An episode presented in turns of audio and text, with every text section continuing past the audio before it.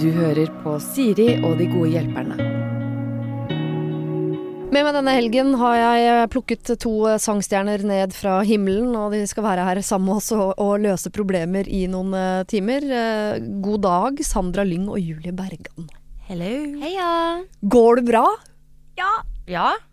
Du hørtes litt redd ut i stemmen, Sandra Lyng. Er det mye å tenke på for tida? Ja. Det er, det er mye som skjer. Eh, Det er ny låt som kommer ut. Eh, Det er eh, to barnebøker som slippes. Og det er jo Stjernekamp som er i hodet Mm. hele veien. Ja. Ja. Når du meldte deg på Stjernekamp, hva tenkte du at du grua deg mest til av alle de der tingene man skal gjennom? Opera, Opera, ja. mm, Ja. som er denne uka. ja. Hva, har du tenkt på det, Julie, noen gang? Sånn hvis du skulle vært med Sangstjerne, hva du hadde grua deg mest til av alle de kategoriene? Eh, hmm.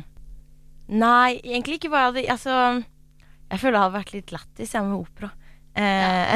Man må jo bare le Men det er vel sikkert det vanskeligste Eller liksom, det er vel sikkert veldig teknisk eh, vanskelig. Ja, det, det er noe helt glede- annet, liksom. Jeg hadde gledet meg Jeg vet hva jeg hadde gleda meg mest til. Hva da? Og det tror jeg hadde vært den derre hiphop, Ja. R&B Ah, det hadde vært rike. Hvilken låt hadde du tatt? Å, vet du hva, jeg tenker så mye på det, for hver gang jeg ser på Stjernekamp, så blir jeg litt sånn Hvordan klarer folk å velge liksom én låt? Ja, det er kjempevanskelig. Ja. Um, så jeg er egentlig litt sånn tom. Jeg vet jeg ville tatt noe fra sånn 2000-tallet ish. Ja. Noe sånn Nei, altså, jeg vet ikke. Jeg klarer faktisk ikke å nevne en låt. Det her tenker jeg på. Det her er sånn jeg tenker på hver gang jeg for eksempel ser på Skal vi danse, da, så tenker jeg ok, gud, hvordan klarer man å velge kjole? Eh, og man får ikke velge kategori Nei, da kan du ta det helt med ro, for det er det noen som velger for Ja. deg. Det, ja. Men på Stjernekamp så er det sånn Å gud, hvilken, hvilken sang skulle jeg valgt? Ja. Um, og så ser jeg også på Altså, jeg elsker sånne programmer. Ser også mye på sånn Idol og Ja. jeg vet ikke, Norske Talenter. Og på Idol også så blir jeg også sånn Gud, hvordan velger de, og hvordan Nei. Ah, Ja, det er jo det jeg viktigste valget du gjør. Det er Ja. jo en veldig riktig låt for din stemme. Men får dere noe rådgivning på det? Er det sånn hvis du sier sånn Jeg vet jeg tar den der, så kommer du med en låt som er helt håpløs. Er det noen som kommer inn fra sida og sier sånn Sandra, nå må du skru på hjernen, for det kommer ikke til å bli bra. Ja, altså, Vibeke Sørli, som uh, har lagd hele greien, hun har noen gode ideer. Altså, hvis jeg spør liksom Har du noe har du noen tanker, liksom, så får, så får du et par låter så du kan teste ut. da Se om det funka for deg. Og har du lagt opp Eh, hele løpet nå? For alle sangene, liksom? Ja, Ja, jeg har det, i tilfelle jeg kommer videre. Og da kan du ikke ombestemme deg underveis og plutselig sånn Å nei, men nå har jeg kommet på en helt utrolig kul rapp fra 2002. Uh, jeg vet ikke. Jeg har ikke prøvd. nei. Ok. Du får prøve. Du får prøve. Men du da, Julie, ellers om dagen, nå er det jo eh, Sandra har jo på en måte funnet noe å bruke høsten til, nå som eh, musikkbransjen ligger bitte lite grann eh, brakk. Hva, hvordan utnytter du tida? Eh, nei, altså jeg har jo eh, sluppet mye musikk dette året. Ja. Eh, og senest var jo denne uka, Ja. hvor jeg kom med ny EP. Eh, og det er jo utrolig, utrolig stas. Eh, jeg elsker jo å slippe musikk. Det er så spennende og skummelt og alt på en eneste gang. Nei, så jeg bruker jo altså det er, jo, det er jo mye som egentlig i utgangspunktet foregår bak kulissene som ikke syns i musikkbransjen. Det er jo litt vanskelig for folk flest å kanskje få med seg, men det er jo der det meste av liksom, arbeidet ligger, da. Så jeg bruker jo, bruker jo veldig mye tid på å ja, skrive nye låter, eh, altså ha mye møter og planlegging og regnskap og ta sangtimer og dansetimer og Man kan jo trene og bli bedre og bedre og bedre, sånn at jeg er skikkelig, skikkelig klar for eh, 2021. Jeg tror vi kommer til å se en forskjell når uh, koronaen har forlatt eh, kloden. eh, hvem som har nettopp brukt tida si på det der, å trene, trene, trene for å komme bedre ut på andre sida, eller de som bare jeg setter meg ned i den saccosekken her, livets saccosekk, og kuler den helt til koronaen er ferdig, og så bare plukker vi opp tråden i andre enden der. Så får du se en eh, stor, stor forskjell på de folka. Det er jo det som er så enkelt å gjøre. Ja, det er litt fristende òg, Ja. men et kvarter i saccosekken må være lov. Ja. Ja. Dere, vi skal ta eh, noen problemer. Jeg har funnet fram en bunke med problemer til dere, og øverst i denne bunken så ligger det et problem som er kalt sladrekjerring på jobben. Hvor det er en som lurer. Kjære Siri og dine gode hjelpere. Jeg jobber i en eh, middels stor bedrift der de fleste av oss tilbringer dagene i åpent kontorlandskap. Eh, Jobben byr på mye tid foran PC og noen telefonsamtaler, så det er alltid noe surr og prat på kontoret. Problemet mitt er at jeg har en kollega som bruker halve dagen sin på å sladre om alt og ingenting. Det kan være mulige forelskelser blant kollegaer som ikke er til stede, barneoppdragelse, hvor mye eller lite innsats folk gjør på jobben, hvem som aldri bidrar til det sosiale, eller helt andre ting som diverse kjendiser, politikere og andre ting i nyhetsbildet. Altså, skravla går konstant. Jeg klarte lenge å blokkere ut den skravlebøtta her, men nå går det meg altså så på nervene. Jeg klarer ikke å konsentrere meg når hun setter i gang, selv om jeg ikke har noen interesse for det hun snakker om. Så hva kan jeg gjøre? Jeg har vurdert å snakke med sjefen, men det føles bare litt tullete. Jeg kan jo heller ikke ha på headset hele dagen, da deler av jobben vår baserer seg på samarbeidet. Vi blir oppfordret til å drøfte ting oss imellom. Eh, jeg vil legge til at jeg også er konfliktsky. Kall meg Astrid. Hva gjør Astrid? Jeg ville jo gått til henne, da. Til sladrekjerringa. Istedenfor å gå til sjefen, kanskje.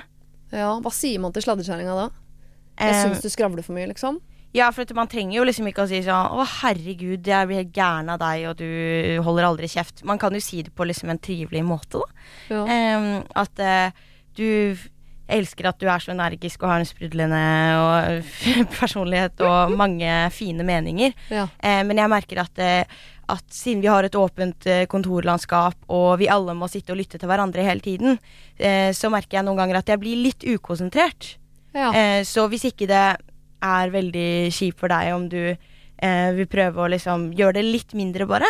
Mhm. Starte der. Jeg hører at det er en eh, smart approach, men samtidig så jeg bare Hun er konfliktsky. Ja, Ja, Astrid det er det, konfliktsky. Dette er jo- det? Ja, det her er jo ikke et lett Altså Oh. Og så skal du si det til sladrekjerringa på jobben òg. Da vet du at sjansen for at det er deg det snakkes om i det Ja, øyeblikket du forlater rommet, den er Ja, ganske det er det. stor. Da blir du sladrekjerringoffer. Ja. Mm. Oi, den er litt vanskelig, den der. En hemmelig lapp. Hemmelig lapp, ja. Du, du er jo ikke spesielt konfliktsky, mener jeg, Sandra. Det tror jeg du har fortalt meg en gang, at der kommer nordlendingene deg fram, og er ganske sånn glad i direkte konfrontasjoner. Ja, Men nå det virker du du ja, nølende, syns jeg. ja, det kommer an. Jeg tror det bare Jeg har en litt sånn dag hvor jeg ikke har sovet mye, da jeg har litt mindre energi. Men ja, vanligvis så sier jeg det sånn som det er. Ja.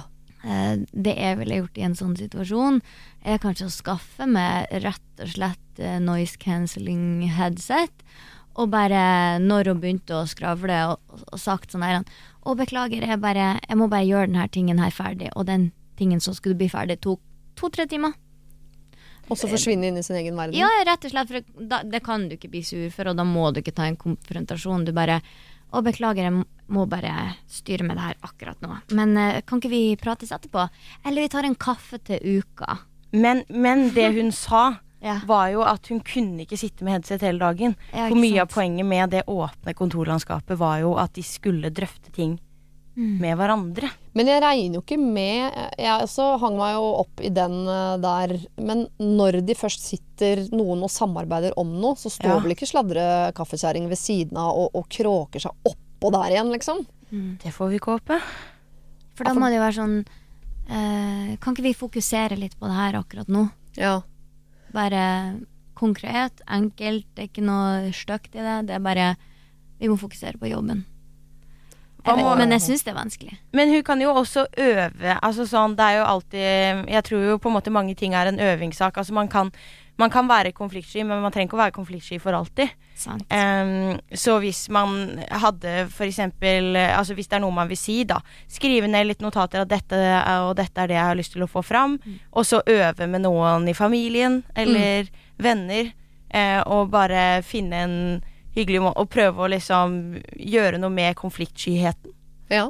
Enig. ja. Jobbe med den. Ja. Fordi du kommer det jo eh, ikke så langt med å være kjempekonfliktsky. Da Ja, blir det- du jo alltid den som er litt sånn Og det Ja, som er farlig med det også, er at jeg syns liksom jeg aner her at selv om Astrid er konfliktsky, så sitter hun nå og irriterer seg, irriterer seg, irriterer seg. mm. Og istedenfor å si fra om noe som er irriterende, så eksploderer hun på et eller annet tidspunkt. Så Mm. den dagen Astrid faktisk sier fra, så er hun jo lynforbanna på en Mm. eh, dame som ikke har fått et eneste tegn på at det hun driver med, egentlig er irriterende. Ja.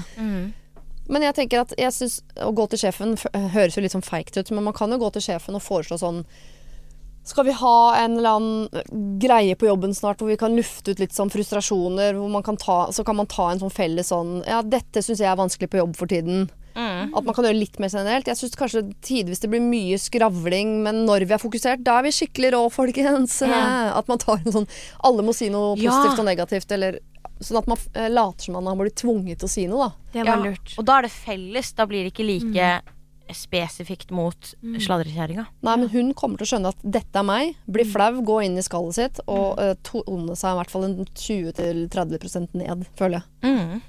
Ja. Ja, det var Det var en god, god plan. ja, Ja. beste Mm. Jeg hører at både uh, Julie og Sandra her vil at man egentlig skal ta det direkte med sladrekjerringa, og jeg også vil det. Men fordi du er konfliktskytter, så vet vi at det kommer ikke til å skje uansett. Så, eh, men som et sånn ledd på veien, istedenfor at du skal gå rett til sjefen og la sjefen ta det, så tar vi en mellomting. Du går til sjefen, ber om en mulighet til at du skal få sagt dette i plenum, og pakke det litt pent inn, sånn at sladrekjerringa setter kaffen i halsen, for å si det på den måten, og kanskje klarer å holde kjeft litt grann innimellom. Vi skal over i kjærlighetens verden. Eh, her er det en som skriver Kjære Siri og de gode hjelperne. Jeg har vært sammen med kjæresten min i ca. åtte måneder. Vi kan kalle han Lars.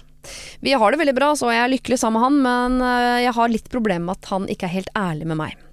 Han har fram til i sommer bodd i et kollektiv med to kompiser, men de kjøpte begge to leilighet med kjærestene sine og flytta ut i sommer. Lars beholdt leiligheten alene, og sa han hadde planer om å få inn noen andre kompiser der. Etter at vi kom inn fra ferie i juli, har Lars omtrent flytta inn til meg uten at vi har snakka noe om det, altså, men han sover stort sett hos meg hver eneste natt vi er hjemme. Han har fortsatt tingene sine i leiligheten, for det er såpass uh, god plass hos han, og det er det ikke hos meg. Jeg har spurt ham flere ganger om han har fått inn noen andre i leiligheten, eller om den bare står tom, men han unngår spørsmålet, eh, spørsmålet mitt og sier på en måte nei. I dag reiste han på jobbreise og ble borte hele uka. PC-en hans sto igjen, ulåst. Og jeg klarte ikke å dy meg. Selv om det byr meg veldig imot, så åpnet jeg Messenger på PC-en hans. Og åpnet meldinger fra en jente som eh, viser seg at bor i denne leiligheten. Hun og en annen jente flytta inn i den leiligheten allerede i juli, det. Og det har de avtalt tidlig i vår. Altså har han løyet til meg i mange måneder. Hvorfor? Fordi det er to jenter?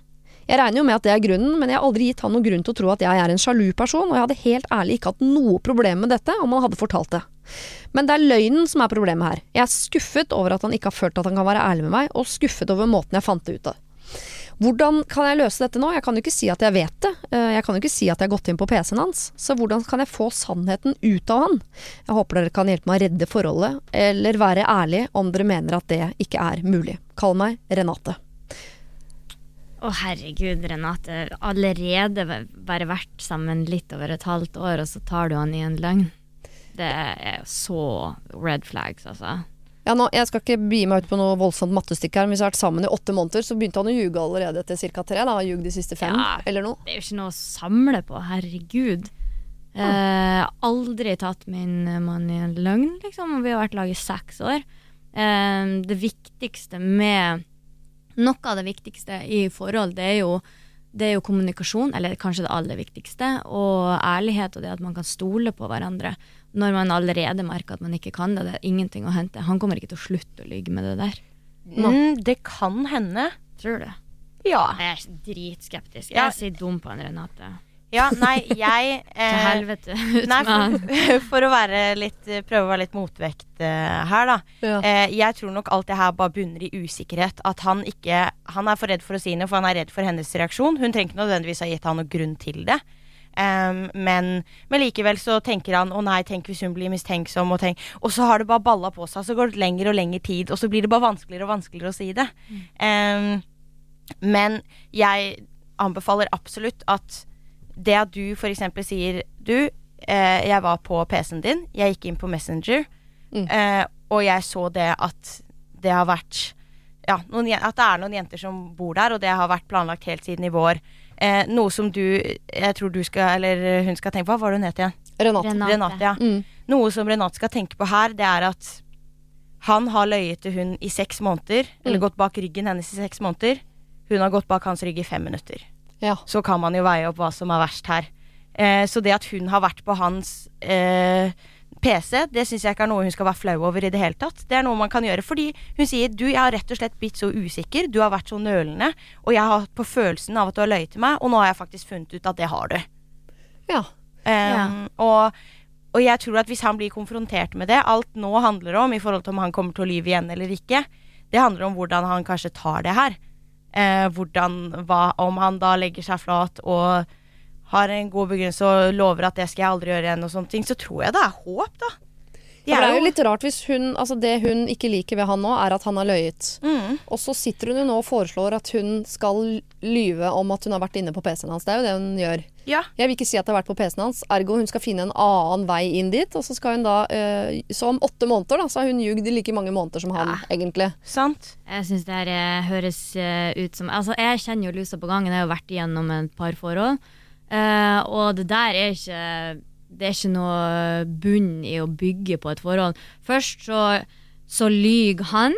Eh, og så føler hun at hun må inn på PC-en for å sjekke det her. Begge har jo egentlig trådd over en grense som man ikke skal trenge å gjøre. Mm. Og jeg syns ikke det er eh, Høres ut som det er noe hold i det. Eh, jeg tror at lyver man en gang, etter min erfaring, så er man en løgner. Eh, og eh, da vil jeg ikke sa- satse noe mer på det. Kommer jo an på om hun ser for seg at det her er en mann hun skal få barn med. Men er hun usikker, så er det en grunn til det. Men da kan det jo være egentlig eh, Når man er så kategorisk på det, jeg skjønner hvor det kommer fra, så eh, tenker jeg at da har man jo ikke noe å tape på å ta den veien eh, Julie foreslår her. At man mm. altså konfronterer han med det man har gjort, og det han har gjort. For i verste fall da så blir jo han lynings, og hun blir lynings, og så krangler de, og så går de fra hverandre. Hun har jo på en måte ikke noe hun har ikke noe å tape på å gå rett inn i den konfrontasjonen der, men jeg er helt enig i at Da må jo si det. Hun Ja, da, si det. Ja, ja, ja. vært, da har hun i hvert fall vært ærlig Ja, ja. hele veien. Og så, altså sånn, hvis han i det hele tatt våger å bli sur for at hun har vært inne på hans PC da, Ja. etter han har løyet over så lang tid, da føler jeg ok, ja, men da er det jo liksom Legg den død, på en måte. Men eh, jeg føler ofte at det ikke er så enten-eller, da. Da Eller gir liksom- du dem i hvert fall en mulighet til å, å forklare seg. På Ja. måte. For det kan jo være det er et eller annet her som ikke vi veit om. Eller Det det kan være, er jo at han har vært i et forhold hvor eh, eksen har vært veldig sjalu, og så er han redd for at det her skal ødelegge. Det kan hende at det finnes en sånn historie, så man må jo uansett, sånn som de sier, snakke om det. Men hvis, uh, hvis uh, hun tar han i en løgn en gang til Jeg vil, jeg vil ikke stole på han. Vil ikke det. Nei, det tar nok litt tid før hun stoler på han uansett. Og det tar nok litt tid før han stoler på henne også, for hun Ja, har jo for tråkket over en grense ved Ja, å gå inn på PC-en hans. Mm. Jeg ville aldri Så- plukke opp telefonen eller noe sånt til, eh, til mannen min. Og er det sånn at du føler at du må gjøre det, så er det allerede noe feil i et forhold. Man skal ikke trenge det. Man skal, det er faktisk mulig å stole så mye på hverandre. Det er mulig å ha det så godt sammen at man ikke, ikke skal trenge å gjøre de tingene der. Så da syns hun burde finne han fyren som bare får henne til å føle seg trygg. Ja. For det finnes faktisk. Det er en million fyrer bare i Nei, det er sikkert to og en halv million bare i Norge, liksom. Eller i hennes alder, kanskje en million. Så det, det går fint. Det fins noen andre som du slipper å tvile på. Du er, Altså, du finnes, er hard, ass. Ja, Ja, det det fins er- en million gutter der ute du kan av- bli sammen med, Renate. Så her syns vi bare du skal ta den krangelen, risikere det forholdet. Ja. Kanskje han forklarer seg, og så blir det dere to. Eller så viser det seg at han er en fyr det ikke går an å stole på. Ja, så får du bli sammen med en annen fyr som du ikke føler behov for å gå inn på telefonen til. Um, vi, skal over, eh, vi skal litt opp i alder, faktisk. Her er det en som uh, lurer på om eh, hun skal velge karriere eller familie. Karriere. Nei. da var den. Da Ja. Da går vi neste. videre. Nei, neste problem handler om Her står det. Jeg vurderer å ta et år med studier i utlandet. Innenfor eh, bransjen jeg ønsker å jobbe i, så er det et veldig stort pluss å bare kunne si at man har en bachelorgrad, noe jeg ikke har nå. Jeg har tatt relevante studier, men jeg er redd det ikke er nok. I utlandet kan man bygge på det jeg allerede har gått, og jeg kan fullføre en bachelor på bare et år. Men jeg har en veldig liten familie som i tillegg har lite kontakt, så min kjernefamilie, altså mamma, pappa og bror, er alt jeg har, og vi står veldig nære. Min far har kreft og går på jevnlig cellegiftkurer, og jeg ser at dette går hardt utover han selvfølgelig, men også moren min, som er alltid redd og syns det er vondt å se på de første dagene etter en ny runde med cellegift. I sommer flyttet jeg til Oslo, og jeg tror at hun syns bare det i seg selv var hardt nok. Nå vurderer jeg å da dra til England, som ikke er så langt unna, men de kommer ikke til å ha muligheten til å besøke meg der, og jeg vet ikke hvor ofte jeg har muligheten til å komme hjem på besøk heller. Så hva skal jeg prioritere, da? En eh, muligens helt super opplevelse jeg tidligere har erfaring med å bare legge fra meg gå glipp av, samt noe som virkelig gagner min utdanning og fremtid og en, et forsøk på en karriere, eller være i nærheten og til stede for familien min mens jeg føler, eh, nå som jeg føler at de trenger meg. Kall meg gjerne Sofie, som forresten er 22. Oi. Dette er et eh, ganske stort valg å ta i så ung alder. Ja, min, min beste venn eh, gikk gjennom akkurat det der når faren hans eh, ble syk. Da flytta han hjem fra New York og la alt ifra seg hvor han hadde store muligheter fordi at faren var syk. Og jeg har aldri hørt at han har angra en dag på det, for man vet ikke hvor mange dager man får sammen. Um, og hvis hun bare er 22, så finnes det veldig mange muligheter senere også. Mm. Så jeg vet ikke om jeg hadde klart å Samtidig så, så er du din egen lykkes med, og det er viktig at du har det bra. Men kanskje hun ville følt på det hvis hun var der, og så ble han enda mer syk. Og eh, jeg vet ikke om det hadde vært uh, veldig vanskelig å si. Jeg vet i hvert fall at han, uh, som har vært i akkurat samme situasjon, aldri har angra på at han kom hjem og var der for pappaen sin, selv om det var en tøff periode. Du ropte ut karriere, men det var før jeg leste Ja, det problemet. var før du det- leste. Ja, jeg trodde du mente barn. ja. Ja, Ja. det trodde jeg også. Ja. At, eh, Ja. så nei, jeg trodde ikke det var en sånn situasjon som skulle komme opp. Jeg syns det er veld, veldig, veldig vanskelig fordi eh, jeg selv ikke helt kan relatere meg til det, fordi jeg har ikke vært i en lignende situasjon, og det er ingen nær meg som heller har vært i en lignende situasjon. Eh, og det er ofte sånn man kanskje tenker litt sånn Ok, det ville jeg gjort da, eller Altså Mm. har litt løsning på, på svaret. Eh, men for å tenke ut liksom det at du sa nå, da skal jeg prøve å tenke ut noe med at du kunne dratt. For hva er mulighetene for deg å reise litt mer fram og tilbake? Jeg vet jo ikke akkurat hvilket på en måte hvilket stadie faren hennes er eh, i kreften. Om det er sånn at han, han nå ligger Altså har veldig lite tid igjen, eller om det er sånn at Ja, det kan jeg si, han ligger ikke for døden, og det er ikke snakk om at det er lite tid igjen. Det er ganske stabilt, så han har, er, på så, såkalt uh, stabiliseringscellegift, altså noe Ja. som er livsforlengende. Så det, han kan Så- leve i mange, mange år til. Ikke sant? Så det er en kreft hun Ja. dør eh, med, ikke av. Antageligvis. Ja, men da er det jo, da er det jo en annen situasjon. Da ville Da tror jeg kanskje at eh, eh, Altså i hvert fall snakk om det her med familien din, eller moren din, som, som syns det her er veldig hardt da å Mm. gå igjennom, og, og si at eh, du selvfølgelig Altså du elsker familien din og vil være der for de mer enn noe annet. Men eh, for deg og din framtid så er det veldig viktig med det studiet akkurat nå, fordi det kommer til å være en utrolig stor hjelp, da. Mm. Eh, sånn at du forhåpentligvis også kanskje kan eh, stå mer i det og være en enda mer eh, Altså en større og en mer stabil støtte senere i livet og i årene framover, da. At du ser på det som en investering både i din egen og deres fremtid også.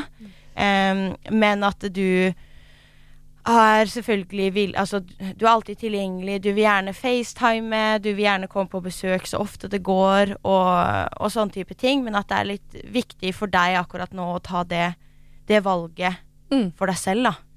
Jeg syns det høres lurt ut å involvere foreldrene i, det, eh, i, i den dialogen. ja. Og, eh, fordi jeg tror hvis mitt barn hadde kommet til meg og sagt sånn Mamma, jeg vurderer faktisk å, å sette karrieren min på vent, for jeg har lyst til å hjelpe deg nå i den situasjonen du er i. Mm. Så jeg tror ikke det fins mammaer og pappaer der ute som ville sagt sånn Ja, jeg syns du skal bli hjemme og, og hjelpe meg i denne vanskelige tiden. Jeg tror så godt som alle foreldre ville sagt sånn Du, jenta mi, skal ut i verden og, og tenke framtid. Det er dette du skal gjøre nå.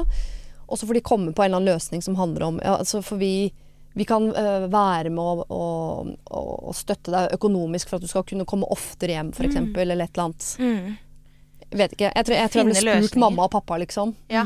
Bare ta, i hvert fall inkluder de i hele diskusjonen, sånn at det, da føles det nok bedre når du tar det valget etter hvert også, hvis du vet at de er med og støtter deg, og også vil det for deg, da. Ja. Og når han blir sånn ordentlig, ordentlig syk, som kanskje var erfaringen øh, din, Sandra, med Ja. vennen din, Mm. Så reiser man hjem. Og hvis det da er Ja. midt i et studie, og tenker sånn Ok, da mista jeg det halvåret, det må jeg ta igjen på et eller annet tidspunkt. Mm. Det klarer man. Ja. Men å vente sånn kan, Han lever i 30 år til, på en Ja, måte, ja, ja. og så skal du sitte og vente på annet. det. Da. det er det går jo nesten ikke. Nei. Nei. Jeg syns det er nok bare at hun vurderer det, liksom. Ja, Det, er, eh, det det blir ikke noe snillere er- enn det. Nei. Nei, det viser at hun er veldig empatisk. Ja. Absolutt. Mm. Altså, gå og snakk med foreldrene dine. Nå har du spurt oss, det setter vi veldig pris på. Nå har du involvert oss i dialogen. Tusen, tusen takk for det. Eh, her syns jeg du også skal involvere mamma og pappa. Si hvorfor du liksom eh, Hvorfor du syns det er vanskelig å skulle reise, men at du har lyst til å reise. Og ta med de inn på alle de der problemene der som du har beskrevet for oss. Så jeg er helt sikker på at de kommer til å sende deg i riktig retning. Vi skal til en eh, som eh, kaller seg for Sara, som har en venninne som heter Emilie. Dette er venneproblematikk. ok? Det syns jeg ofte er noe av det vanskeligste. For å være helt ærlig. Ja, ja. Uh, på, um, uh, I andre gym ble jeg og Emilie veldig gode venner. Vi gikk da i samme klasse og snakket om alt. Dette vennskapet holdt gjennom uh, tredje gym, på forskjellige skoler, dog i samme by, og et år der jeg var på folke, folkeskole. Men da jeg flyttet fra en mindre by i Norge til en større by for å studere, så ble Emilie igjen, og kontakten ble mindre og mindre og enda mindre. Vi er begge veldig dårlige på å ta kontakt på sosiale medier. Jeg er mest glad i å møtes i ekte liv. Selv om det har gått lang tid mellom. Denne sommeren da jeg var hjemme på ferie, har jeg flere ganger prøvd å finne på noe sammen med henne, uten hell. Hun sier ja, men hun er usikker på når. Og da sier jeg at ja, vi tar det som det kommer, men det skjer ikke noe. Hun tar aldri initiativ. Jeg har tidligere hatt problemet med at det er bare jeg som spør om å finne på noe med henne. Og dette har jeg prøvd å ta opp med henne også, men da eh, fikk jeg en dør slengt i fjeset. Venninnen min har tidligere nemlig opplevd en annen venn som har klaget på at de aldri møtes, og jeg føler at kanskje min kommentar oppfattet, eh, ble oppfattet som sårende. Det er usikkert, men jeg tenkte at vi var jo såpass gode venner, eller er såpass gode venner, at dette må jeg jo kunne ta opp med henne. Noen ganger føles det som om jeg må få meg en kjæreste for å ordne opp i vårt vennskap, for hun har kjæreste mens jeg er evig singel. Dette er en venninne jeg er veldig glad i, som jeg ikke har lyst til å miste. Jeg ønsker råd til hvordan jeg kan ta opp kontakten selv om jeg er i en annen by. Kanskje jeg bare skal ta meg sammen og bli bedre på sosiale medier, eller? Med vennlig hilsen meg. Altså Sara tar alltid kontakt med Emilie, Emilie tar aldri kontakt tilbake. Det jeg har eh, erfart Herregud, det høres ut som det jeg har, jeg har levd så lenge. Men eh, jeg hadde jo mange bekjente. eh, og så bare renska jeg alt ned til tre venner. Som, er, som eh, Hvor balansen var fin. Hvor det bare var sånn Jeg har skjønt at man trenger ikke så mange venner eller så mange bekjente. Og jeg skjønner jo at hun er glad i henne og har ikke lyst til å miste henne. Men det er, hvis det er sånn at det alltid bare går en vei, så kan jo det også være sårende for Sara. Ja. For da blir hun skuffet hver gang. Eh, og, og, og da kjenner jeg at eh, jeg blir litt usikker på om det er verdt det. Har hun andre venner som som, eh, som reacher out til henne, da. Eh, oftere og får henne til å føle seg bra. For at det er en ting med, med forhold til andre mennesker. Man, man tenker liksom nå møter man en person, da skal det være sånn for resten av livet. Men eh, noen ganger så må bare kapitlet lukkes og tenke at vi hadde skikkelig kul tid. Eh, andre gym. Eh, det er ikke sikkert at Det kan hende at vi har vokst fra hverandre, at vi ikke er de samme personene som vi var da. Eh, og da å drive og tviholde på et vennskap, eh, det kan være sårt å, å innse at kanskje det ikke er så dypt. Mm. Fordi eh, hadde det vært veldig dypt, så hadde de gjort alt de kunne for å møttes. Og, da hadde vært, og hver gang de møttes, så hadde det vært som om det var i går. Selv om at man eh, har avstand til hverandre. ja. Er du av samme erfaring, eh, Julie? Ja, altså um, Jeg merker liksom sånn Man kan jo ofte ta seg selv i at man uh, man setter høye forventninger, ikke bare til den andre, men også seg selv i et vennskap. Om at man 'Å, jeg må gjøre det, og jeg må, jeg må huske å sende melding, og jeg må huske å spørre om' og Men ofte så Altså, jeg har jo merket at de beste altså vennskapene jeg har i mitt liv, eh, som er på en måte sånn de fleste er basert på nå, at det, det er ikke sånn at vi må snakke sammen hver dag for at vi skal vite hvor gode venner vi er, eller at vi må se så og så ofte. Altså sånn, jeg har en av bestevenninnene mine for eksempel, som bodde fem år i, i Danmark. Eh, og da så vi jo hverandre eh, veldig lite. Og det var heller ikke sånn at vi snakka sammen hver dag, men jeg følte jo at så fort vi hadde noen mulighet, så var det jo sånn at begge fortsatt ville treffes. Og nå når hun har flytta til Oslo, og vi faktisk har kjøpt leilighet i samme gate, eh, noe som er veldig sånn tilfeldig, så, er, så ses vi jo hele tiden, men da er på en måte alt det samme. Men så har man jo også de vennskapene som, som var eh, veldig fine når man var litt yngre, men som eh, man fortsatt er kjempeglad i personen, men vi er ikke så like lenger, eller vi har ikke de samme prioriteringene lenger, og man ser at man kanskje ikke heller ønsker å prioritere hverandre, og hvis du føler at ja, kanskje hun har fått en kjæreste, og hun ønsker å være med han hele tiden, eller at hun har noen andre venner som hun heller prioriterer, som det høres ut som, så, så er jo ikke det heller Da er jo ikke det den gode vennen som det kanskje du skulle ønske at den var, da. For jeg syns jo at man skal føle Man skal jo ikke sitte med følelsen at den andre aldri gidder å finne på noe med det.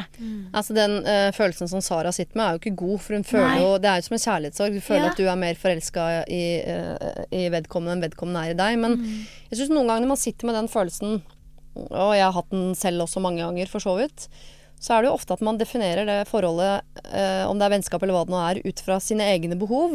Og så glemmer man hva den andres behov er. Og man, det er jo forskjellige måter å være venner på. Jeg f.eks. har en utrolig lavt behov for sosialisering.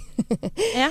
Eh, Og så har jeg venner som har ekstremt høyt behov for sosialisering. Så hvis jeg skulle ha pleasa deres behov for uh, hva et vennskap er, hyppigheten, hvor ofte vi ses og hvor mye greier det er Altså, jeg hadde blitt utslitt. Eh, og så kan de tenke da at, uh, at man er avvisende fordi man nesten aldri blir med, eller i hvert fall ikke så ofte som de hadde sett fra seg videre. Og det er ikke alltid at det handler om personen eller om deg, men det handler om at jeg, mitt behov er at jeg vil være alene, eller Absolutt. og Det- og det tror jeg man glemmer noen ganger. Så det kan godt hende at Emilie er et menneske som hun har ikke, Det er ikke deg, Sara. Hun bare har ikke enormt behov for å ha masse sånn eh, daglig kontakt og ringing og snakking og møtes og alt det der. Kanskje hun bare har nok med sitt, liksom. Men og, hun bor jo ikke i samme by engang. Nei, og da, som hun sier, da, kanskje jeg bare skal bli litt bedre på sosiale medier, for det har man tid til. Sånn at man liksom har en liten sånn livsline. Sånn at når man en dag plutselig er i samme by, da, eller Men har et større behov, eller fikk unger samtidig, eller plutselig ble sammen med broren til den andre, eller altså at, at deres verdener kolliderer igjen. Men jeg har hatt en Altså- sånn samtale også, sånn det som du snakka om der med at man rett og slett bare sier liksom at eh, eh, man er ærlig på hvor stort behov man selv har kanskje for, eh, for å henge eller for å snakke sammen og, og sånn type ting. Og for min del som eh, har kanskje blitt mer og mer glad i å være alene også. Ja. Og ikke ha Ja, fordi altså, tidligere så hadde jeg et helt ekstremt høyt behov for sosialisering. Eh, men så har jeg merka ettersom jeg ble litt eldre, at jeg Altså jobben tar veldig mye av meg sosialt, og at jeg trenger mer og mer bare den tiden eh, for meg selv, da. Mm. hente inn igjen. Ja, og hente meg inn igjen, og, og rett og slett bare bruke tid med meg selv og mine egne tanker, og det, det jeg vil prioritere uten å måtte være der for noen andre, da. Mm. Um, Og hvor irriterende er det da hvis en maser på deg for hun syns ikke at du prioriterer henne nok? Prioriterer du da henne eh, høyere, eller kutter du henne ut? Nei, altså da kan det jo nesten bli liksom den ene mener det bare godt, og Mm. skulle spørre å, skal vi henge, skal vi finne på det, eller sånn. Det er bare fra et godt sted. Mm. Men så kan man nesten selv bli litt sånn Åh, men vi Det er jo så mye allerede. Altså, eller hva som er Man kan sitte og føle de tingene, da. Mm. Og da tror jeg det bare er så viktig å ta den den samtalen, nesten. At man vet sånn Du, det har virkelig liksom ingenting med deg å gjøre, men jeg liker å være mer alene nå, og jeg har ikke så stort behov for å prate på telefon eller tekste hele tiden. Altså ofte det med, igjen da, kommunikasjon, det er jo like viktig ofte i et vennskap som det er i et forhold. Um, og det å rett og slett bare snakke om å bare være litt sårbar og ærlig om følelsene sine. At rett og slett bare Det er ikke sikkert at si til henne, og det er ikke sikkert at du mener det sånn, men jeg sitter med følelsen at du egentlig ikke har lyst til å henge med meg i det hele tatt. Mm. Eh, og da heller deale med det hun tenker, enn å sitte og i hvert fall være redd for hele tiden, eller jeg vet ikke, uten å ha spurt. ja. Jeg skjønte jo at det er jo ikke så ofte heller at de kan møtes, for de bor jo ikke i samme by engang. Og da skjønner jeg at det kan være ekstremt sårende at hun tar seg ikke tid til en kaffe engang, når, eh, når vi ikke får møttes uh, ofte uansett. Mm. Og da virker det som om det Ja, kanskje ikke det vennskapet er så sterkt lenger. At Mm. man har vokst litt ifra hverandre. Ja, og jeg tenker, Har man vokst litt ifra hverandre, så tenker jeg at det er helt greit i en periode. Og så, Jeg tipper du kanskje har erfart det nå som du har blitt mamma, for eksempel, Sandra. Så har du venninner som ikke har blitt mammaer. Så har man litt Ja. på forskjellige planeter en stund. Ja, så, Så, går det noen år, så har de blitt mødre. Altså, ja. Mm. Så, altså, Jeg bare tenker at man må, man må liksom tåle å sitte litt stille i vennebåten av og til, og ikke overdramatisere hver gang noe er mer eller mindre, eller Mm. at man skal liksom eh, klare å være litt sånn og bare flyte med i alle de bølgedalene som et vennskap går gjennom, da. Mm. Men igjen, jeg har ikke møtt verken Saria eller eh, Emilie. Det kan godt hende at Emilie er avvisende. At hun prøver Det kan hende at hun prøver å bli kvitt deg, Sara. Jeg vet ikke. Det kan godt hende. Det er vanskelig for oss å vite. Ja. Prøv en periode. med. Men hvis hun kan i hvert fall prøve en periode da å ikke ta kontakt, eller si så mye, og så ser du bare hva kommer fra den andre enden da, når du sitter litt stille i båten. Ja. For å se om det faktisk er noe napp der i det hele tatt, eller om hun faktisk bare har lagt det litt dødt, da. Ja, eller at man må bare innse at man har forskjellige liksom, roller i et vennskap. At noen er sånn som tar initiativ, og noen er ikke sånn som tar initiativ. Mm. Vet ikke. Og så får man bare hvis, jeg tenker sånn, hvis du, Sara, er veldig glad i Emilie, så fortsett å prøve å få til en kaffe med Emilie, da. Mm. Og, da, og når du får den kaffen, så si det sånn som det er. Ja. Hvordan hun har det inni seg. For det, altså, dype vennskap det er jo like viktig som kjærlighet. Ja. Det er jo som å være i et forhold. Og da må man også snakke om ting. Ja. Og så tenker jeg, som hun spør, skal man ta seg sammen og bli bedre på sosiale medier? Må ikke det, men det er jo en quick fix på avstand, på en måte. Mm. Jeg tenker i hvert fall Det, det vet sikkert dere, som har jo venner sikkert for mange steder i Norge. Hvis ikke man hadde sosiale medier, så hadde man jo sklidd ganske mye fortere fra hverandre, vil jeg tro. Sant det. Ja. Mm. Skjerp deg! Nei da. det er slemt å si. Eh, kanskje du skal bli litt bedre på sosiale medier. Kanskje du skal sette deg litt inn i hva hennes behov er. Og så syns jeg ikke du skal slutte å være glad i henne, og du skal ikke slutte å prøve heller. Og så håper vi at dere en eller annen dag får tid til den kaffen, og da kan dere kanskje ta den praten. Har du problemer selv, send dem inn til siri at radionorge.no. Jeg er en dame i begynnelsen av 40-åra som er gift med en fantastisk mann. Han er absolutt uh, alt av gode kvaliteter. Han er sexy som fy å se på. Vi har vært sammen i over åtte år, og vi har fire barn sammen. Jeg er dødsforelska, og han sier at han er det samme. Men på alle de årene vi har vært sammen, har han kun gitt meg komplimenter tre ganger. Jeg derimot sender SMS, sier det til han rett ut hver eneste dag. Jeg kysser på han, jeg tar på han, jeg smiler, blunker og er varm. Men eh, eh, han tar aldri første steg, eller sier noe tilbake. Og han er ikke sjenert heller. Og vi har mye og faktisk veldig god sex. Og han prioriterer alltid tid med meg foran tid med kompiser, og han er en fantastisk pappa, og alle vi kjenner elsker han for han er så hjelpsom og tvers igjennom snill mot alle. Likevel så savner jeg det lille spontane kysset fra han, det romantiske SMS-en, at han bare tar fullstendig styringa i senga og eh, er rett og slett bare en fyr som river av meg klærne sier at han må ha meg. Vi har snakket om dette, men det ser ikke, han ser ikke at dette skal være så innmari viktig.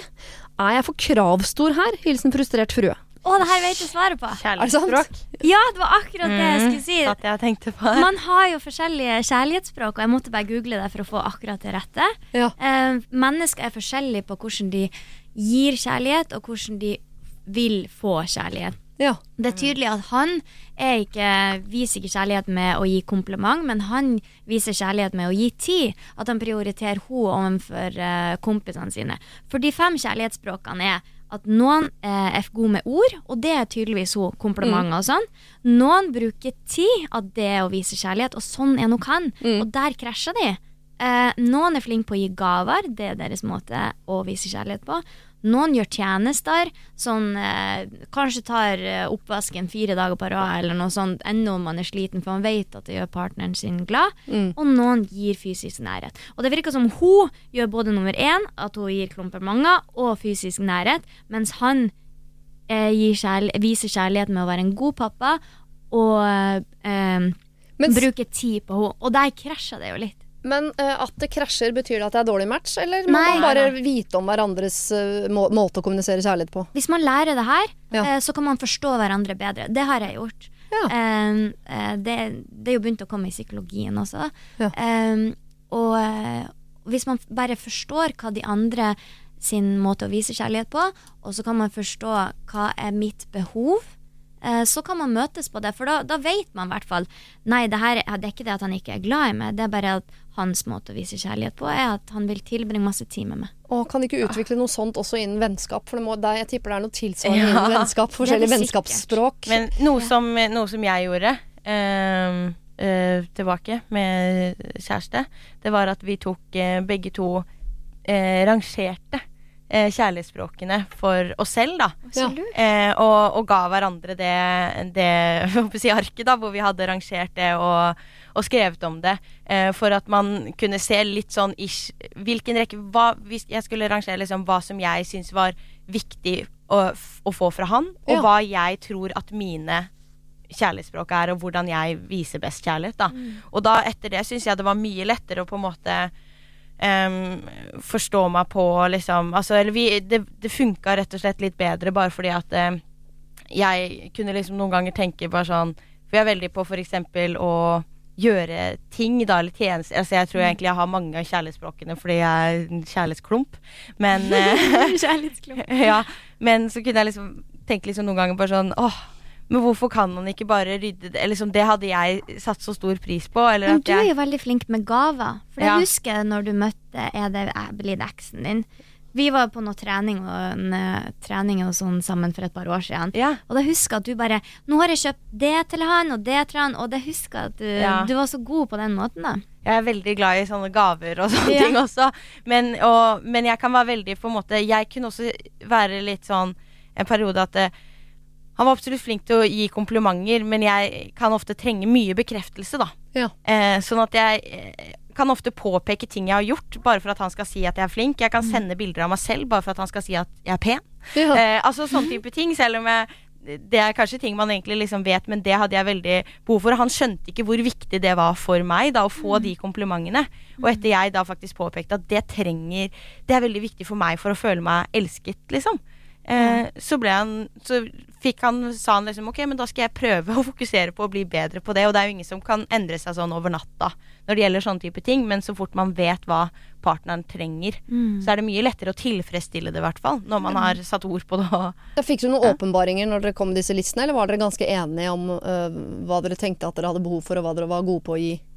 Ehm, nei, altså sånn Jeg tror nok det var noen eh, Altså at jeg kanskje var litt mer overraska over noe ved han som, som egentlig ikke jeg så på som så viktig at jeg følte kanskje at jeg, men jeg gjør jo alt, liksom. Mm. Men så kanskje det med å for eksempel at for han så var det mer med å pre prioritere tid, da. Ja. At han var liksom enda flinkere på det, mens jeg var veldig vil prioritere tid med alle og alt og alle, holdt på å si. Eh, Ja, kanskje han følte det med hun venninna Ja. som alltid var på besøk. Ja, ikke At han hadde trengt tid alene. Ja, Ja.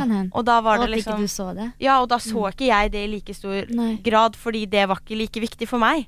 Ja, man Eh, er vel ofte litt mer opptatt av sine egne behov enn hva andres behov er, uansett hva slags forhold man er i. Og jeg tenker at her, frustrert frue her er jo veldig tydelig på hva hun er god på, og hva hun har av behov. Mm. Så det kan nok hende at hun skulle uh, fått han til å skrive sin liste òg, så hun skjønner hva han tenker at han er god på, og hva han har av behov fra henne. Mm, Kanskje han bare vil ha mer av hennes tid. Kanskje hun kan roe seg uh, kraftig ned på kompliment. Kanskje han ikke har så stort behov for det. Ja. Eller ikke sikkert at han vet at hun virkelig trenger det. Nei. det. For da kan hende at han er blitt flinkere på det. Ja. Og det kan hende at hun ville satt mer pris på at uh, han droppa kompisene for å være sammen med henne, og det er hans måte å vise kjærlighet på. Og det der med at øh, hun vil at han skal rive av henne klærne og slenge henne i veggen. Sånn, enten er man en sånn fyr, eller så er man ikke det. Det er veldig vanskelig. Hvis min mann hadde kommet hjem til meg en dag og sagt sånn Kan ikke du være litt mer sånn som bare river av meg klærne, og så biter du meg i ryggen og kaster meg i veggen? Og tenker sånn eh, Nei, da må du begynne å ligge med noen andre, for det greiene der driver ikke jeg med. Det syns jeg er mye å be om. Det blir, det blir ikke helt genuint heller. det Da blir det nesten Nei, da er vi over i rollespill, og det driver jeg heller ikke med. Så da får du også gå et annet sted og finne de greiene der. Det var kjempelurt det du sa, Julie. Ja. Skriv lister, frustrert frue. Nå har vi jo, eh, det er helt eh, tydelig lett å google seg fram til disse fem forskjellige særlighetsspråkene, Og sett deg jo og tenk hva er jeg god på, hva trenger jeg, hva er han god på, hva trenger han? Så bytter dere lister, og så tar dere en skikkelig prat på dette her med kjærlighetsspråk. Så kanskje dere forstår hverandre på en helt annen måte. Og så mente jeg ikke at du skulle gå og finne en annen fyr som skulle rive av deg klærne og slenge deg i veggen. Det håper jeg ikke du gjør, for det var ikke meningen. Vi skal til et, altså det problemet vi skal til nå, dere. Jeg tror aldri jeg har vært borti et så Et problem som er så altså ned på detalj Altså det er liksom det er en, en detalj i livet. Nei, det er det minst komplekse problemet jeg har borti i hele mitt liv. Men likevel jeg skjønner at det er et problem. Jeg, jeg visste ikke at det fantes. Ok. Kjære Siri og dine kjære små hjelpere, sier hun. Det vet, jeg vet ikke hva hun mener. Jeg har en venninne som for et par måneder siden solgte sofaen sin. Det vil si at stua nå kun er TV og ingen alternative sittesteder. Ikke engang en madrass eller en hagestol. Hun gjorde dette for å teste ut om hun kunne leve uten sofa, og for å for, øh, forberede et mulig salg av leiligheten en gang i fremtiden. Det vil si at hun aldri kan ha besøk, da. Og skal vi være sammen, så må vi være hos meg, eller så må vi være ute. Hvordan skal jeg håndtere dette? Syns ikke det er riktig at vi ikke kan være hos henne, og jeg syns det hele er meget sært, men kan jeg si noe? Eller er jeg en dårlig venninne? Det er helt greit at man er ulike, men dette blir for meg litt uvanlig, altså, og det er mulig jeg er sær. Hjelp og gode råd mottas med takk. Altså, her er vi nede på sofanivå i vennskapet. Ja. kan man, kreve, man kan kreve mye rart av venninner, men kan man kreve at venner har uh, gode sittemøbler? Altså, vet du hva, det finnes uh, på enhver billigbutikk så finnes en sånn der, eh, teltstoler, sånn klappstoler som hun bare kan ta med seg Ja. når hun skal komme dit, og da er jo problemet løst. Er det ikke? Jo. Det er, altså, praktiske, praktiske problemer har praktiske svar. Praktisk, ja. Men hva tror vi at hun venninnen. Hva er det hun prøver på ved å bare ikke ha noe sted å sitte? Kan det hende at hun ikke vil ha besøk, eller? Ja, da må jo det være greit, det også, for så vidt. Så lenge hun ikke krever å komme til noen andre. Ja. Eh, jeg vet ikke. Men altså, jeg skjønner jo liksom hvis hun er sånn Altså at hun liker å At man kan bytte på litt hvor man er, og, og nå har det på en måte blitt umulig å være der. Altså Igjen, da. Kommunikasjon, kanskje. Ja. Sånn, kan ikke du bare skaffe deg en madrass eller et eller annet? Eh, Jeg, jeg håper jeg elsker å henge deg, med deg, men jeg syns det er litt pes at vi må være hos meg hver gang, fordi du ikke har noen steder å sitte. ja. Eh, og jeg orker ikke å sitte på et gulv heller, så da blir det jo selvfølgelig at, at eh, vi er hos meg, da. Men eh, vi Ja, nå Du kan jo si at det nå begynner det å gå utover meg at du ikke har sofa. Jeg bare lurer på hva skjer med hun venninna? Er hun innenfor en sånn personlig utvikling-type greie? Skal hun konvertere? Skal hun bli eh, alternativ? Hva, hva skjer der? Det Ja. høres jo litt merkelig ut å ikke ha lyst til å sitte godt når du skal se på TV. Eller så Ja. Eh, hva er det egentlig som Jeg hadde skjer? skjønt hvis hun tok ut sofaen, for hun gikk mer i retning av noe asiatisk og skulle ha noe greier på gulvet og noen puter og en Ja. karpedam og noe et eller annet. Men det her virker jo bare altså, virker som hun har tatt det der med rydding litt vel langt. Og jeg kan sette pris på venner som er sære og egne og går sin egen vei, men jeg er litt enig. Ikke ha sofa er jo rart, men kan man kreve jeg Hei, øh, jeg syns du burde ha sofa. Den setningen fins ikke. Nei. Han gjør ikke det, får altså. heller ta med seg en liten klappstol, og, men spørre, spørre kanskje hva er det som skjer? Er det prøvd å finne ut av det sjøl på en eller annen rar måte, eller eh, Ja. For at det virker jo som Det er jo litt eh, Det er jo litt rart. Ja. Det er rart. Ja, det er litt rart. Det er veldig, veldig rart. Jeg syns faktisk det eneste vi kan si er Jeg syns ikke dette er en dialog dere kan gå i på noen som helst måte. Uh, men jeg syns du, det må da kunne gå an å le litt til en venninne og si sånn Hva har skjedd med nøtta di? Ja. Du har ikke Ja. sofa? Altså har det klikka fullstendig, eller hva? Dette trenger ikke å bli noe sånn vi, alvorlig, vi må Nei, snakke sammen-greie. Ta med deg en klappstol og pek på venninna di og le litt av henne. Det må være greit. Sånn, jeg hadde lyst til å sitte godt når vi skulle drikke kaffe, så jeg tok med meg den her. Ja. Og så kan dere le av det. ja. Jeg lar den stolen bli stående jeg. Og Ja. så tar jeg med en til neste gang. Snakkes. Ja. Ok, det var, det var deilig med en sånn type problem også, som man bare kan høvle seg gjennom, og så er man ferdig. Fordi nå skal vi over i noe som er vanskeligere igjen. Ok. Hei. Jeg har en venninne som har vært sammen med eh, mannen sin i fire år. De er eh, mellom 30 og 40 år gamle. Problemet er at han er veldig sjalu og veldig kontrollerende. Han vil at de skal gjøre alt sammen, og har ikke behov for å finne på ting hver for seg. Hun har aldri gjort noe som tilsier at han skal være så sjalu. Hun har nå uttrykt at hun ønsker å være mer sammen med venninner, men at det er vanskelig fordi samboeren forventer at de skal være sammen hele tiden. Vi lurer på hvordan hun kan gå fram for å få mer tid med seg selv og med oss venninnene, uten at han skal bli så sur og furten, og at det skal bli en stor diskusjon ut av det hele. For eksempel, han skulle ut og gjøre en aktivitet med noen kollegaer et par timer før jobb, og i den sammenheng så sa hun ja, så koselig da, kanskje vi burde prøve å gjøre litt mer ting hver for oss? Da svarer han å ja, så bare fordi jeg for en gangs skyld skal finne på noe med andre, så skal du begynne å fly rundt? Hun eh, brukte det jo bare som en anledning til å komme inn på temaet om at de bør gjøre mer ting hver for seg, men det ble dårlig mottatt. Han får henne til å føle at det er hun som kveler han ved at det er så mye tid sammen, selv om det faktisk er han som har bestemt at det skal være sånn. Hvordan skal jeg som venninne gripe an dette? Hun går jo ikke på byen, han, treng, eh, så hun, han trenger ikke være redd for det. Det hun er ute etter er å kunne være på en jentekveld med oss, drikke vin og spise ost uten at hun må hjem klokka elleve. Hun har prøvd å prate med han og gitt han hint, men i hans verden er ikke egentid nødvendig. Å gå fra hverandre er ikke et alternativ, per nå i hvert fall. Hilsen venninne, kall meg Erika. Altså her er det en som virkelig prøver å, å, å hjelpe venninnen sin. Å, det var i hvert fall rått drag. Men Ah, eh, ja, det er veldig, veldig vondt, da. Ja. Og i hvert fall hvis hun sier at eh, det er liksom ikke et alternativ at man skal gå fra hverandre også, for da vil hun jo tydeligvis virkelig være med denne personen. kontrollerende fyr. Ja, men- mm. det der er jo forbi sjalusi. Ja, det her er ikke bare at Det det er er han er Ja. Og er manipulering. Mm. Em, Jeg tenker Det som er veldig viktig i et forhold, det er at man har ett liv sammen, men også to separate liv. Mm. Fordi Ja. Hvis det en gang skjer at, uh, at det ikke er de to, så blir man helt lost. Fordi at man har aldri Da har man kanskje mista vennene sine, man vet ikke lenger hvordan det er å være sosial. Uh, man har ikke et eget liv. Jeg tror det er veldig viktig å ha et individ samtidig som man har en greie sammen. Også for personlig, altså personlig utvikling, Ja, rett og slett. Så er det sånn Hvis du gror helt fast med en annen person, Mm. eh, så er det Jeg tror jeg det gjør det vanskeligere, spesielt i en sånn her type situasjon, da. Det, det gjør det vanskeligere og vanskeligere for henne å kunne stå opp for seg selv, da. Og, og at eh, når han kan vri en sånn samtale med at hun bare Ja, kanskje vi skal tilbringe litt mer tid hver for oss også. Og da skal det plutselig være hun som er vanskelig, bare fordi hun nevner det. Mm. Hvis det her skjer nok ganger, så tør hun ikke engang å ta det opp. eh, I det hele tatt til slutt. Og det, og det kan bli veldig usunt. Ja, dette høres jo litt usunt ut. og Jeg, jeg tror Ja. vi er enige om at han høres ganske manipulerende og vanskelig ut. Men hvor, hvordan går man fram da i møte med sånne personer? For jeg tenker Man har alternativ A, som er eh, det, Du trenger ikke å bare skaffe deg en hobby og gå ut Bare gjør det, liksom. Eller så må hun jo få han til å forstå behovet på en eller annen måte som ikke virker liksom skummelt for han. Det hun ikke må det hun venninna må være forsiktig med, det er å snakke dritt om mannen hennes. Ja. For det hun vil gjøre da, det er å skyve venninna si lengre bort om enda nærmere han.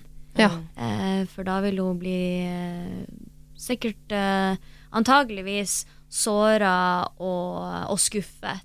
Ja. Eh, men heller gi litt sånn eh, tips hva hun, hun ville gjort i en sånn situasjon. Mm. Eh, spurt eh, eh, har, ikke du, har du det Er det sånn at du har det best hvis du kan møte oss av og til? Kanskje du skal prøve å formidle det til han. Ja. Si det på en veldig sånn mild måte. Mens jeg, jeg ville jo vært litt sånn Altså, hun- redd hvis han var så kontrollerende. Det er jo ikke godt tegn etter fire år. Nå- Og hun Det blir venninna jo ikke bedre. Ja, og hun venninna spurte jo også hva er det jeg kan gjøre. Mm. Eh, og det er liksom vondt i en sånn situasjon, fordi som venninne så er du egentlig eh, så å si maktesløs nesten når det gjelder en sånn relasjon. Og jeg vet jo også eh, Jeg hadde en bestevenninne, Mm. og hun var Og hun har også snakket åpent om det her sjøl, så jeg skal ikke håpe håper si, Det er ikke noe sånn at jeg exposer noen her. Men hun var sammen med en fyr som utsatte henne for både eh, fysisk og psykisk vold, hvor han da var blant annet ekstremt eh, kontrollerende og sjalusi og manipulerende. Og han følte jo også så fort altså, Og det gjennomskua jeg ganske tidlig egentlig i forholdet. Men så fort jeg kanskje prøvde å si et eller annet, eller blande meg så prøvde han jo bare å dytte oss lenger fra hverandre. Ja. Og prøvde å gi henne grunner til å ikke være venninne med meg lenger. Eh, så da begynner jo plutselig han også med en eller annen forsvarsmekanisme, og kanskje vil trekke hun også enda lenger fra venninnene sine hvis de prøver å, å gå inn og gjøre noe, da. Ja, for da, hvis han oppfatter de som en sånn øh, øh, slem Trussel. liten geriljatropp som, Ja. er, som kommer for å ødelegge mellom de, eller for å ta henne fra han, Ja. det tipper jeg han fort kan oppfatte. Det er litt farlig. Ja, og, og det, det kan liksom ha veldig negativ innvirkning på hele situasjonen, rett og slett. Hvis, hvis de på en måte begynner å hva skal jeg si, blande seg for mye, rett og slett. da. Mm. Eh, og for min del så var jeg jo litt yngre, så, så jeg klarte jo ikke helt Altså, jeg prøvde jo noen ganger å forstå han, at jeg spurte liksom Hvorfor gjør du dette nå? For, altså sånn eh, Altså, og, og da gikk han jo rett til personangrep på meg igjen, og også begynte Ja, altså sånn Det, gikk jo virkelig Gikk ingen vei, og det ble heldigvis eh, slutt Ja. til slutt. Men altså, det får virkelig varige men med sånne her typer relasjoner. Og, og for henne da så tror jeg liksom ah, Kanskje, altså, kanskje um, foreslå for venninnen din å skulle få en psykolog eller en life coach. Noen profesjonelle som hun kan snakke med, sånn at hun virkelig kan finne ut for seg selv om det her er et forhold hun har lyst til å være i, og ikke, og hva, hva slags grep hun kanskje kan gjøre. da Mm. Snakke med en profesjonell. Mm. Um, fordi det Hva mener du at jeg ikke er profesjonell? Nei, Men eh, Nei, nei, men da, fordi da blir det lettere også å gå inn til han kanskje og snakke om ting også hvis hun hva med, å, å, å starte med å invitere begge to? Jeg tenkte også litt på det. Ja, Ja. Eh, For å vise at vi ekskluderer ikke det. Vi har bare lyst til å, også væ til å være mer sammen med venninna vår. Men du er hjertelig velkommen. Og det er ikke sikkert at han har lyst til det alltid. At kanskje det kan være en idé. Ja, for jeg tenker eh, Jeg vet jo ikke hvor mange av disse venninnene eh, som også har en kjæreste, men jeg tenker at å gjøre hele det universet de jentene har sammen, mindre skummelt og mystisk for han. På en måte vise at han får lov til å være med inn, Mm. treffe noen av gutta. At man tar noen sånne uh, ting man gjør sammen. Kanskje ha en sånn fast sånn Ja, vi spiller squash hver første tirsdag i måneden. Altså et eller annet man gjør. Mm. Og for så kanskje man der skal name-droppe sånn Burde ikke vi jentene ha en sånn gourmetklubb eller noe, jeg vet ikke, det fins forskjellige klubber, men at, at man starter det mens han er der, sånn at han hører planen, så ikke det blir en sånn mystisk Og nå driver eh, kjæresten min og Ja. pynter seg med noe leppestift noe trange skjørt og skal ut og møte venninner, sier hun. Men skal hun det? Ja. Ikke sant? Gjør det mindre farlig, rett og slett, og Ja. Ja. tryggere for han også. Gjør han trygg, for da Ja. Inkludere han og gjøre han ja. trygg. For da vil det bli lettere. Hvis ikke Altså, jeg ville jo sagt eh, Jeg hadde jo lyst til å sagt eh, det her er skadelig. For at eh, sånn eh, kontrollerende menn, etter min erfaring, det blir ikke bedre med årene. Jo mer du Jo mer eh, kontroll du får, jo, jo verre blir det. Sant?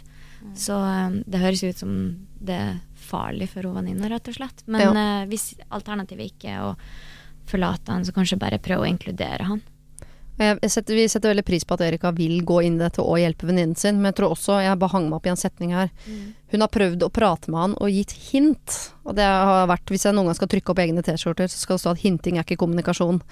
Det er noe med Hvis hun har hintet dette til han om at hun trenger mer egentid, det, det er ikke godt nok. Det Det må sies ganske ta det som avvisning når hun sier hun trenger egentlig. Så må hun finne en, en smartere måte å gjøre det på. Men det de burde gjort, var å gå i parterapi. Så Ja. at de hadde forstått, som vi snakka om i stad, hvert sitt kjærlighetsspråk. Ja. For hans er å ha hun for seg sjøl, og hennes hun trenger et eget liv også. Det betyr ikke at hun er mindre glad i han. Nei. Nei. Hun, du må nok, eh, Erika, eh, kanskje hjelpe venninnen din med å bli tydeligere. Og kanskje du kan hjelpe henne med å eh, gjøre deg og venninnene mer Altså, eller mindre farlig ved at dere inkluderer han i gjengen. Tar han med inn, viser liksom Hei, dette er gjengen vår, vi er ikke skumle. Vi driver ikke med eh, farlige ting når ikke du er til stede. Vi skal strikke og bake pai, eller hva han driver med. Eh, Det tror jeg kanskje kan være en av de få veiene man har inn dit som venninne. Hvis dette her går noe verre, at kontrollerende blir veldig kontrollerende, at dette går og blir verre og verre og verre, så må du jo gripe inn. Mm. Da, eh, da må du gripe inn ganske mye sånn hardere. Vi skal Men gå si det når hun er åpen for det. Ja. ja, og nå har hun jo startet den dialogen selv, hun venninnen, og da Ja. er vi jo på en måte eh, allerede på vei et eller annet sted, så det er veldig, veldig bra. Mm. Eh, vi skal gå ut på et problem som er litt av av lystigere karakter, vil jeg påstå. For her er det mer uh, noe man virkelig, virkelig vil, men vet ikke helt hvordan man skal få det til. Hei, Siri og hjelperne dine. Jeg har en samboer, la oss kalle han eh, Sebastian. Han er 30 år. Vi har vært sammen i fire år, og har vært sammen da eh, eh, tre og et halvt som samboere. Vi har det så fint sammen, vi elsker hverandre veldig mye. Så mye at vi for noen måneder siden bestemte oss for å kaste prevensjonen i søpla og prøve å få barn. Uten helt så langt, altså, men vi er ved godt mot. Personlig føler jeg at øh, vi har livet ganske godt på stell, og med den utviklingen vi har hatt i forholdet vårt, så syns jeg det hadde vært veldig koselig om vi kunne ha forlovet oss. Dessverre er det slik at vi er dypt uenige om alt som har med forlovelse, bryllup og ekteskap å gjøre. Mens jeg mener at dette er en romantisk tradisjon hvor jeg får lov til å vise verden hvor mye jeg elsker Sebastian, mener han at dette ikke har noe med særlighet å gjøre, heller at det er et form for statussymbol med et sterkt fokus på materialisme, og at selve ekteskapet er kun et verdiløst papir som ikke gjør noe mer eller mindre vanskelig å gå fra hverandre. Dette opplever jeg som ufattelig trist, og jeg skulle ønske at han hadde et annet synspunkt på dette. Men det er noe jeg prøver å lære meg å akseptere. Jeg har derfor forsøkt å ta saken i egne hender. Jeg har ved to anledninger foreslått at vi kan dra på restaurant og markere at vi forlover oss, og så kan vi gå og kjøpe en ring, og jeg kan bruke mine penger, men jeg har blitt avvist begge ganger. Når jeg nå prøver å snakke om det, så blir han sur og sier at jeg presser han, og han ber meg ikke snakke noe mer om det, da han føler at han har sagt sitt om situasjonen. Problemet er at når vi har snakket om det, så snakker han om hvordan han forestiller seg at jeg ønsker at forlovelse og bryllup skal være. Stort, overdådig, dyrt. Men jeg prøver å forklare at jeg ønsker bare å inngå et kompromiss, slik at dette kan være en begivenhet som er ment å eh, representere oss begge to. Men da mener han at jeg ljuger, og det er ikke det jeg egentlig ønsker. Selvfølgelig ønsker jeg at han skal glede seg, at vi skal gifte oss med stor feiring og familie og venner og alt det der, men, eh, og at han skal overraske meg med en forlovelse, men jeg forstår at sånn er ikke han, og det er greit. Men hvordan i alle dager skal jeg kunne snakke med han for å få han til å innse at jeg ønsker å komme fram til et kompromiss? Det føles uaktuelt for meg å ikke gifte meg. Jeg mener at ekteskap er en del av mine verdier, mens for Sebastian er det kun en prinsippsak. Mulig jeg er partisk her, men jeg syns faktisk kompromisset da er at vi gifter oss. Men så har han litt rett, altså. Jeg hater tanken på å skulle gifte meg i rådhuset etterfulgt av en rolig feiring med ti personer, men sannheten er at jeg har ikke tenkt så mye på selve bryllupet ennå. Førsteprioritet er å bli forlovet. Sunniva 26. Ja, det aller verste hun kan gjøre, det er jo å presse La en mann føle seg pressa. Eh, da vil han føle seg kvalt, og det vil nok gå utover følelsene hans. Ja. Har dere sett Tentation Temptation Island? Ja! hva, hva hun der han eh, Jeg husker ikke hva hun heter. Ja, Casey. Altså, Ja, Casey gjorde med han fyren. Han, hun bare jagde han bort med å mase på ekteskap. Um, De hadde vært sammen i ni år. Ja. ja. Eller ti år, og så hadde det på en måte alltid vært snakk om ekteskap. Liksom, Mm. det var så viktig for hun og alt mulig. Men han følte liksom Nei, men jeg vil vite at jeg er jeg håper å si kan forsørge deg og familien. Og familien var også veldig Virket som de også pusha på, egentlig. Mm. Eh, så kom han på Temptation Island, fant seg en ny dame og forlova seg etter et halvt år. Ja. Å nei. Ja, det krise. Men Ja, vi skal eh, ikke dit. det høres ut som, eh, som om han har dårlig erfaring med ekteskap, eller så ville han jo ikke reagert sånn. Det kan hende at foreldrene hans er skilt, det kan hende at han eh, rett og slett eh, er et eller annet traumatiserende rundt det der. For at det å mene så sterkt om det også er jo også veldig spesielt. Men har du ikke møtt sånne folk som er så prinsippfaste, som bare gjorde seg opp en mening i uh, storefri på videregående, og så bare Nei, det mener jeg, og sånn blir det. Ja, og så er det umulig å rikke, og så handler det bare om prinsipper. Ja, men det, det, man, det er vanskelig å endre andre mennesker. Det går rett og slett ikke an å endre andre mennesker. Det eneste du må endre, det er det selv. Så hvis du vil være sammen med han som ikke vil gifte seg, så må du bare Kompromisset kan ikke være å tvinge han til å gifte seg. Nei, men hva er kompromisset mellom en som ikke vil gifte seg, og en som vil gifte seg? For kompromisset er jo ikke å ikke gifte seg heller, for det er noe hans forbundet. Det er ikke mitt møtes midt på. Eh, det, ja, for det som man også må huske på sikkert i forholdet, er at det, altså begges Um, ønsker er like viktige, og like Altså begges meninger og følelser er like mye verdt, da. Ja. Uh, men uh, altså Jeg vet Altså, er det noen måte man kan liksom Ja, det er jo veldig synd hvis at eh, hun skyver han unna når hun er så glad i han, fordi at hun absolutt vil, vil ha det papiret, da. Jeg er veldig heldig at vi begge er og forloveden min, faktisk. Gni det inn. Ja, ja, men ser, ser, likt, eh, ser likt på det.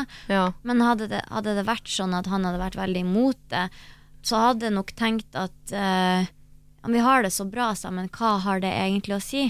Mm. For det å presse noen til noe de ikke vil, det er heller ikke rett. Nei, men jeg, det jeg syns er vanskelig her, eh, er det Altså, man snakker jo alltid om at man må inngå kompromiss, møtes på halvveien. Det er en del av det å være sammen. Men hvis det er en som vil ha barn, en som ikke vil ha barn, hva er kompromisset? En som gifter seg, en som ikke vil gifte seg. Hva er kompromisset? Jeg skjønner ikke, for det Nei, det, det, er ikke et kompromiss der. Det fins ikke kompromiss. Få et halvt barn? Nei, Ja, Nei det er vanskelig. Ja, eh, få en hund. ja. hadde det vært. Nei, men jeg tenker jo liksom Altså Det virker som de allerede snakker mye om det her, men han virker jo også ganske bestemt, og hun virker også veldig bestemt. At hun sier at nei, gud, det, det går ikke for meg å ikke gifte meg, mens han virker jo det strake motsetningen, og at så fort hun prøver å liksom dempe sine forventninger, da, eller Mm. ønsker til i bryllupet, så, så sier han at nei, du bare ljuger, det vet jeg at du ikke vil, og det Mm. Og det stemmer jo litt òg, Det stemmer jo sikkert, han gjennomskuer nok det, men Du, det er en ting vi virkelig må se på her. Det er at han fyren her er villig til å få barn med henne. Mhm. Det er en mye, mye, mye større forpliktelse Ja, enn å ha en ring på fingeren og et papir på det. ja. ja. Det, det er en forpliktelse som er livet ut, som er minimum 18 år, at man må ha nesten daglig kontakt. Eh, og det burde hun eh, veie tyngre enn at han vil gifte seg. Jeg kan jo si, altså trøstende fra andre siden av bordet her, at jeg eh, er jo en som alltid har hatt lyst til å gifte meg, og syns at det tok eh, irriterende lang tid å få til, for å være helt ærlig. Eh, ikke fordi det var viktig for meg, men jeg minner om at jeg gleda meg til den store festen og alt det der. Mm. Ikke det papiret nødvendigvis, men jeg, hadde, jeg så for meg det bryllupet, og det, jeg, det var, jeg ville bare ha det. Altså.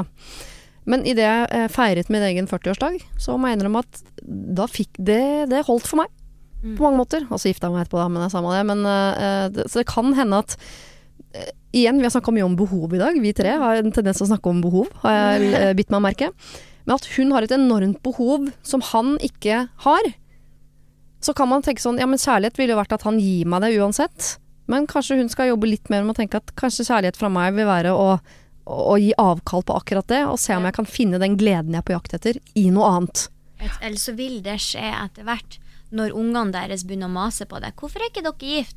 Da vil det skje automatisk. Men å presse på en annen person som ikke har lyst til noe, det blir bare stygt. Det kan gjøre at han mister følelser. Ja, du har ikke lyst til å gifte deg med en fyr som er Ikke litt sur i bryllupet, for han har ikke lyst til å gifte seg med deg. nei, nei. Kanskje man kan ha en eller annen, stor fest sammen, da. Mm. Hvis Ja. man har lyst til å ha en eller annen sånn Altså at man heller prøver å gjøre litt mer ut av når de har jubileumer, eller Mm. Altså nå, når vi har vært sammen i ja, fem år snart, eller altså sånn, for de har vel vært sammen i fire hittil. Ja, ja. Ja, men når de kanskje har Oi, shit, nå har vi vært sammen i fem år. At de gjør litt ut av det, at de inviterer litt venner og familie. Det er sånne type ting. Har, har jo han sikkert ikke noe imot da Nei. nødvendigvis. Det er jo mer hele det bryllupet. Men at man prøver å få inn eh, noen av de tingene ved bryllup som, som kanskje hun eh, liker veldig godt, eller ønsker sterkt, da. En slags markering av ting. Mm. Altså, Eh. jeg vet jo hva kompromisset her er. Hva er det? Det er jo det at de skal få barn. Hun Ja. får jo han nesten for resten av livet sitt. Ja. Når de får barn sammen, de lager et menneske sammen, de blir foreldre sammen. Da har hun fått kompromisset sitt. Ja. Og med mindre dette er jo ikke noe religiøst eller er ikke noe som er viktig utover at, uh, at hun bare vil, så kan du si at det er vel så mye en ja, okay, en hjertesak fra henne og en prinsippsak fra han, da, men jeg tenker også at hun må roe seg kraftig ned på dette. Ja. Ja, helt enig. Det er lov å ønske seg å gifte seg. Det er mye man, jeg skulle ønske jeg kunne både fly og synge, ikke sant. Men eh, noen ting må man bare la eh, ligge. Kanskje om 10 år, 5 år, 15 år. Kanskje aldri. Kanskje han får lyst. Og Ja. da blir det gøy å gifte seg. Han kommer til å få lyst hvis hun slutter å mase. Ja, men du Det må slutte å mase. Ja, Ja. Ja. rett og slett. Dere, det har vært uh, fantastisk å ha dere her i dag. Jeg, jeg føler at uh, behov er det ordet jeg tar med meg eh, videre. Vi har snakket veldig mye om behov og kjærlighetsspråk i dag. Ja. ja. Det var veldig fint. ja. Jeg ønsker deg uh, veldig, veldig mye lykke til i Sangstjerner, Sandra. Stjernekamp, ja. Tusen takk. Hvorfor sier jeg Sangstjerner? Det er også et det er jo det vi er. Nei da. Så du det programmet forresten? Å, herregud, Der ja! kjendiser skulle synge. Ja, det Ja. var kjendiser som eh, ikke hadde sunget så mye før, som skulle Som synge. skulle prøve å synge. Ja. Det var én sesong, og så var vi ferdig med det. Jeg husker Marianne Hva heter hun, eh, hun kunstneren? Auli. Marianne Auli. Ja. Eh, Sigrid Bonde var med. Adam Ja. Skjølberg. Ja da. Men Fin Marianne, gjeng. Marianne Auli bare dukka ikke opp. Husker jeg. Og det var helt sånn krise på sending. Og er det et alternativ når man er med i sånne konkurranser? Eh, Mm. tydeligvis. Det skal jeg ta med meg videre. Og Julie, jeg håper det, du får en fantastisk høst. eh, Du som nå er så mye i studio, så håper jeg det kommer mye godsaker derfra på løpende bånd framover. Ja, det håper jeg òg. Vi følger med. Ha det. Ha det. Det var det. Husk å sende ditt problem til siri at radionorge.no om du vil ha hjelp. Denne podkasten er produsert av Rubicon for Bauer.